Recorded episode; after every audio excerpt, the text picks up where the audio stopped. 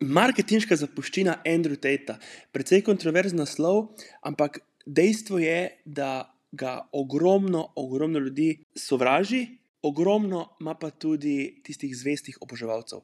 In ne glede na to, na kateri strani smo, kar se marketinga tiče, obstaja par stvari, ki se jih lahko od Andrew Tate naučimo in jih prenesemo na svoj biznis. Hočemo ali pa nočemo, ene stvari je marketinško zapeljal vrhunsko in jih lahko nekako poberemo in nas čist nič ne stane. Tako da o tem bi rad v tej epizodi malo bolj podrobno spregovoril.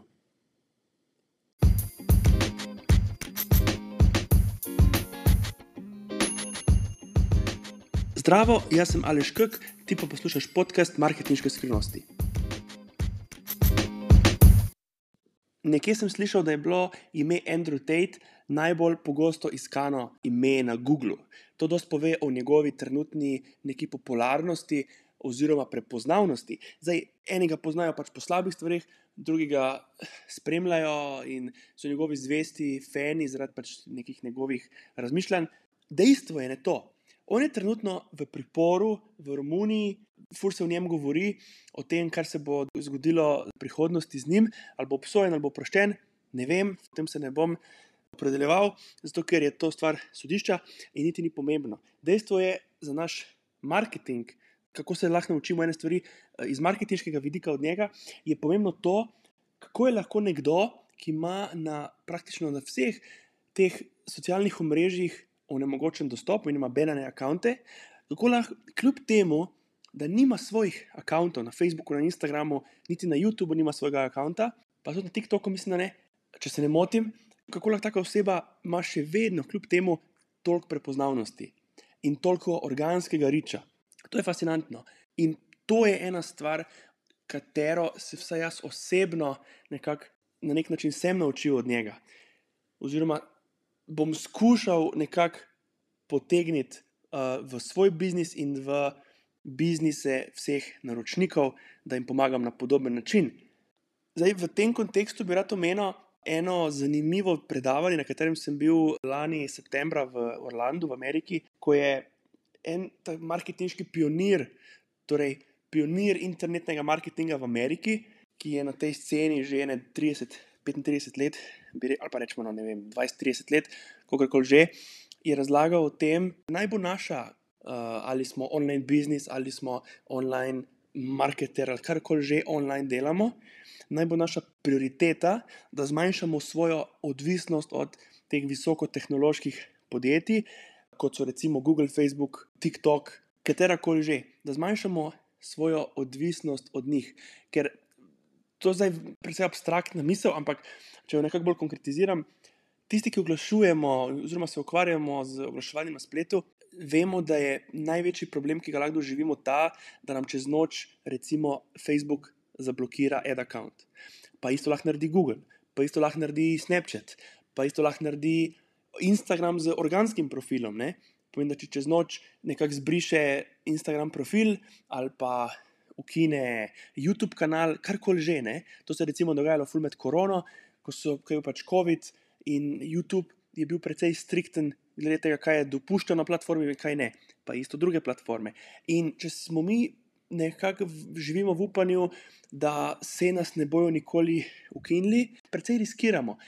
Meni se je osebno že dogajalo, da so bili oglasi, konkretno v mislih na Facebooku, so bili kompletno v skladu z ad policy, ampak kljub temu bil, um, so bili oglasi rejectani, potem pa tudi kasneje ad account uh, disabled. In zdaj potem, včasih je bil ad account, ko je bil disabled, ga je bilo precej lahko dobiti nazaj, zdaj pa je pač situacija že malo drugačna, vsaj moje izkušnje so take, imaš težave s podportom, pa traja, pa traja, pa polje, mogoče včasih je Facebook page eh, blokiran, pa je ad account zdrav. Tako da, kupenih stvari lahko gre na robe. In če tvoj biznis, recimo, sloni samo na Facebook oglaševanju, potem imaš težavo, ker potem ti recimo lahko Facebook. Čez noč zablokira ad account, in kaj se zgodi z tvojim celotnim biznisom, oziroma z tem virom novih kupcev, ja, zgubiš ga, ne? padeš na čisto ničlo. No, in zato je na tistem predavanju tam užakar razlagal o tem, da si moramo naš marketing predstavljati kot neko mizo in ta miza mora imeti čim več nog. Če ima miza eno nogo, je precej nestabilna.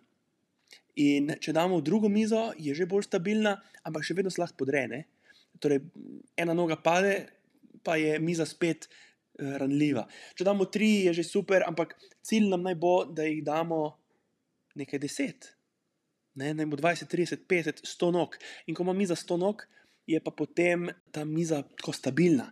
Lahko se zgodi karkoli dejansko, pa je miza stabilna. Oziroma, to pomeni drugimi besedami, je pač naš biznis stabilen, vemo, da čez noč nas ne more nič zrušiti, da imamo vir nekih novih kupcev, oziroma tudi povratnih kupcev, ne, ki se vračajo in da nismo ogroženi. Zdaj, kako to narediti? Imamo različne kanale oglaševanja, super, potem imamo lahko e-mail bazo, svojo, absolutno svojo moramo imeti in to je najbolj zanesljiva, ne? ampak potem imamo pa eno stvar, ki jo jih ta Android tako vrhunsko nekako implementira v uporabo v praksi, je pa to, da je blazno dobro delal z afiliati. Torej, čeprav zdaj nima on dobenga, dobenga svojega profila na socialnih omrežjih, nima svojega YouTube kanala, nima svojega Instagrama, če se ne motim, Andrew, vsaj, ampak še vedno ima taki rič. To pa zato, ker je uvedel tako zelo pameten afiliat sistem, posredujejo oziroma priporočijo njegove produkte naprej, in se dejansko transakcija zgodi, dobijo pač nekaj procente od prodaje. In to pomeni, da so te, večinoma, večinoma mladi fantje, začeli delati masovno te razne YouTube kanale in na teh YouTube kanalih začeli objavljati vsebino od uh, Tejta, oziroma tudi od brata, in na tak način je ta organski rič neomejen.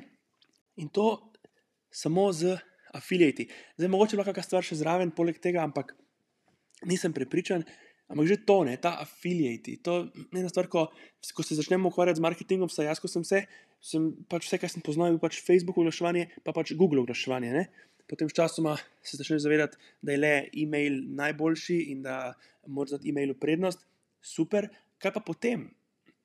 Ne, se vedno imaš v mislih, da probaš najti nekoga drugega, ki ima tudi mogoče svojo bazo kupcev, strank in se probaš z njihovo bazo povezati. Ne? Da recimo pošleš svoj bazi kak mail, v katerem stavi tvoj produkt ali kaj takega. To, da lahko lah sodeluješ. To je ena super zadeva, ki pa jo marsikdo nekako pozabi. Najprej Facebook, polje Google, pol pa je to počasi to, ne pa kakšna objava na Instagramu in to je to. Ampak je fulver stvari. To je dejansko to, pač kako te kako z temi afiliati postaviti čim več nog za to mizo našo. To je tisto vprašanje, o katerem dejansko, ko je to predavanje potekalo, to je že 4 mesece nazaj, pa do danes mi je to ostalo najbolj spominjeno, kako to nekako narediti v praksi in čim bolj stabilizirati ta online biznis. Kateri koli že to je, ali tvoj ali od naročnika, niti ni važno. Ne? Ampak to ni edina stvar, ki jo lahko poberemo od Andrew Tate. Nekakšna teorija marketinga pravi, da moramo na internetu, če želimo v, celi, v tem celem cirkusu današnjem nekako pozornost dobiti, moramo biti zelo agresivni z našim sporočilom. Torej, se moraš jasno zauzeti, ali si, če si recimo levi ali desni, se moraš jasno zauzeti, si desni. Ali pa levi, nima veze, ampak samo da ne rečeš, jaz sem nekje na sredi. To je pri, recimo, pri Tateu se pokazalo, da pač absolutno deluje, absolutno funkcionira, ker ene njegove izjave so tako blazno ekstremne, pa tudi on je sam rekel, da jih je nekako namerno izjavljal samo z razlogom, da dobi pozornost. Absolutno ne vse in s tem ga nikakor ne opravičujem, ampak lih to, da bolj kot je nekaj provokativno, bolj kot je nekaj ekstremno, lažje dobiš pozornost. Druga stvar, ki je prav tako marketinška teorija, je pa ta, da zelo, zelo dobro v marketingu, v tej prodaji, v pisanju prodajnih eh, tekstov funkcionira to, če v vsebino vključimo ta us versus them delitev. Da delimo, recimo, ko je govora o suplementih, ne, jaz sem precej izkušen s suplementov, uh, ko je govora o tem uradna medicina oziroma big pharma proti natural, ne, je zelo lahko nekomu, ki je bolj nagnjen k temu, da zaupa tej naravi in je nekako nagnjen k temu, da ne zaupa avtoriteti ali pa big farmi, kapitalu in tako naprej. In ga ni težko prepričati o tem, o tej delitvi, us versus them, oziroma da uh, big pharma nam hoče slabo in tako naprej. Ne? Konkreten primer, samo prvi, ki, prvi, ki mi je padel na pamet. Pri Andrew Tateu je pa tak primer, ta Matrix, ne, ta matrica. Oni hočejo, da ste vi nekako da živite tako, kot živite, da ste sprogramirani in tako naprej. Ne? In to je on zelo pametno uporabo. Ali je to po naključju, ali je to on face se pomatral, da je to zdizajniral. Pa se stavil v to strategijo, ne vem. Ampak, ko pogledam, mu je fenomenalno uspelo, ker vidim na mladini, da blazno dobro funkcionira. Zvesti fani mu sledijo, verjamejo vsemu, kar reče, in to je ne nazadnje tudi njegov nekakšen namen. Ne? Cilj vsakega pač nekega komunitija je, da se, da se tisti, ki verjamejo, ki sledijo, da se tudi tako obnašajo. Tudi, ja, to, je to, to je nekaj, kar sem jaz pobral iz te cele zgodbe Andrew Tate. Videli bomo, kaj se bo razpletlo v Romuniji in pol mogoče še kje v kakšni drugi državi naprej. Uh, nisem jaz tisti, ki bo sodel ali kriv ali ni kriv, niti me ne zanima preveč, oziroma če je kriv, me bo zanimalo. No?